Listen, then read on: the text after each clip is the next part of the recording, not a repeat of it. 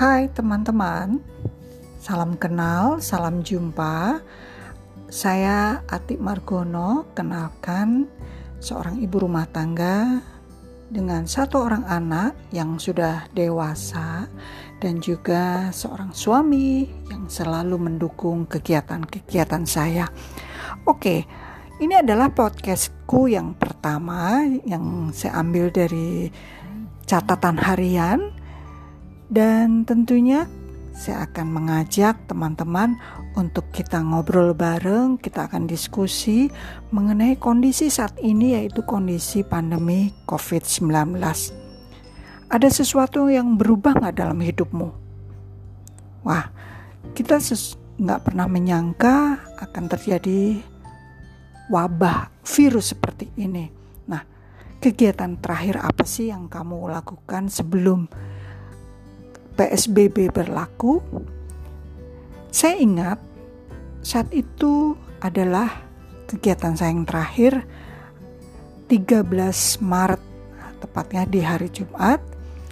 Kebetulan saya mengadakan acara fashion show di Indocraft di JCC di situ saya bertugas sebagai MC nah itu ada, adalah kegiatan terakhir di mana saya ikut dalam pameran Indocraft yaitu pameran di JCC untuk produk-produk handicraft dan juga aneka batik dengan mem memperagakan eh, busana-busana Indonesia.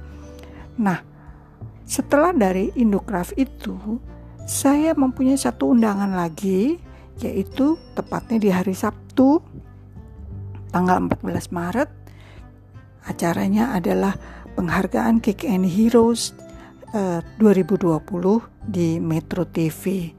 Nah, kalian tahu kan, pada saat saya tugas sebagai MC, saya tentunya sudah memakai sanggul dengan harapan, ah besok aku ada acara lagi, saya tidak perlu harus repot-repot menggunakan uh, sanggul ini gitu. Sudahlah dengan segala persiapannya. Dan apa yang terjadi teman-teman? Hari Sabtu itu jam 12 siang saya mendapatkan uh, japri dari Andi Noya dan juga ada running text di Metro TV bahwa acara tersebut uh, tidak dihadiri oleh undangan jadi tetap berlangsung tanpa dihadiri oleh undangan dan dengan singkat cerita acara tersebut saya batal hadir. Dan ya sudah apa boleh buat? Saya sudah membatalkan untuk tidak hadir karena ada pemberitahuan dari via Kick Andy nah itulah teman-teman acara yang saya ikuti menjelang PSBB itu berlaku. Sesuatu yang gak mengenakan karena kita tidak menyangka pada saat itu satu hari menjelang setelah acara tersebut ternyata semua kegiatan tidak diizinkan. Semua pameran dibatalkan, semua event-event dibatalkan, dan kita harus tetap stay at home. Nah, tentunya ada sesuatu yang berubah dalam hidup kita. Kita nggak pernah bayangin harus di rumah tanpa kegiatan, tanpa melakukan ibadah, tanpa harus ke gereja ataupun mereka yang muslim harus uh, sholat di masjid kita harus ibadah dari rumah. Anak-anak harus sekolah dari rumah dan semua kegiatan kita lakukan di rumah. Dan saat itu di awal PSBB memang tidak diizinkan untuk ke kantor sesuatu yang nggak mungkin tapi terjadi. Itulah yang saat ini yang harus kita lakukan atau kita jalani saat ini. Nah, teman-teman, apakah hikmah di balik itu semua? Ternyata Tuhan tidak tinggal diam. Tuhan selalu melindungi kita, selalu menjaga kita. Kita dijauhkan dari segala penyakit, kita dijauhkan dari segala mara bahaya dan kita selalu bersyukur walaupun kita tetap di rumah tetapi kita masih bisa bekerja. Dan puji Tuhan, perusahaan masih tetap berjalan hingga saat ini dan itu yang harus kita syukuri. Nah, teman-teman, di balik segala musibah, di balik segala kondisi yang kurang mengenakan, hendaklah kita selalu bersyukur. Kita harus menyadari bahwa ternyata Tuhan tidak meninggalkan kita. Kita masih diberi penghasilan, kita masih diberi pekerjaan. Walaupun saat ini Anda yang kebetulan teman-teman yang harus mengalami hal yang kurang mengenakan dalam pekerjaan, ternyata banyak bisnis-bisnis baru, bisnis online yang berjalan. Demikian juga solidaritas antar tetangga, antar teman, untuk membantu mereka yang sakit. Nah, itulah sedikit sharing saya untuk catatan harian. Apa sih yang merubah dalam hidup kita?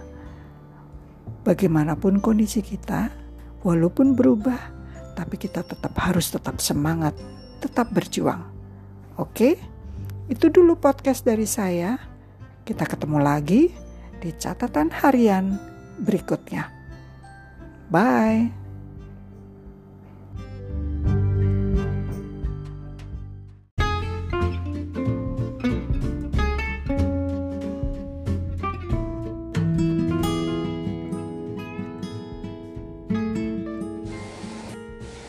Halo teman-teman, apa kabar? Salam sehat semua ya untuk kita semua. Nah, kembali saya Atik Margono menyajikan catatan harian. Teman-teman, sebetulnya apa sih hikmah di balik pandemi ini? Saat ini semua kegiatan kita kita lakukan di rumah, ya kan? Mulai dari bekerja, beribadah, kemudian anak-anak juga sekolah dari rumah. Mungkin ada yang sebagian juga kaget ya, merasakan stres, tidak bisa melakukan kegiatan di luar. Tetapi di balik itu semua ada hikmahnya. Nah, Kira-kira apa nih hikmah buat kamu? Kalau saya merasakan saya punya waktu luang di rumah, sambil bekerja di rumah, saya belajar memasak. Nah, teman-teman, ngomong-ngomong soal memasak, terus terang nih, saya tuh agak males memasak. Masak ya secukupnya, sebisanya yang bisa saya janjikan buat keluarga. Tetapi sekarang saya banyak waktu, saya bisa buka-buka YouTube untuk mencari resep-resep masakan dan mencoba mengeksplor masakan tersebut. Wah, seru juga kan? Oke. Nah, apalagi sih hikmah di balik pandemi? Teman-teman, saat ini saya aktif membantu di Komsos KAJ. Saya belajar membuat video. Nah, bayangin nih saya yang nggak tahu apa-apa membuat video, saya juga belajar mengedit, kemudian menyusun alur ceritanya dan sebagainya. Ternyata seru juga ya membuat video dan video itu sendiri sudah diupload di YouTube Hidup TV. Apalagi, nah yang terbaru adalah saya belajar membuat podcast seperti yang saat ini saya lakukan. Nah, teman-teman, Janganlah kita selalu menggerutu, mengeluh, berkeluh kesah dalam situasi yang seperti ini. Terimalah ini sebagai suatu rahmat Tuhan di mana kita bisa meluangkan waktu untuk keluarga, di mana kita bisa berbagi dengan suami, bagaimana komunikasi kita diperbaiki, hubungan relasi dengan keluarga juga diperbaiki. Itulah hikmah yang terbaik di balik pandemi. Walaupun dalam situasi sulit, tetapi kita percaya Tuhan selalu menyertai kita. Nah, teman-teman, sekian aja catatan harian untuk Anda semua. Jangan lupa terus jaga kesehatan, terus berdoa semoga pandemi ini cepat berlalu di bumi pertiwi ini. Sampai jumpa.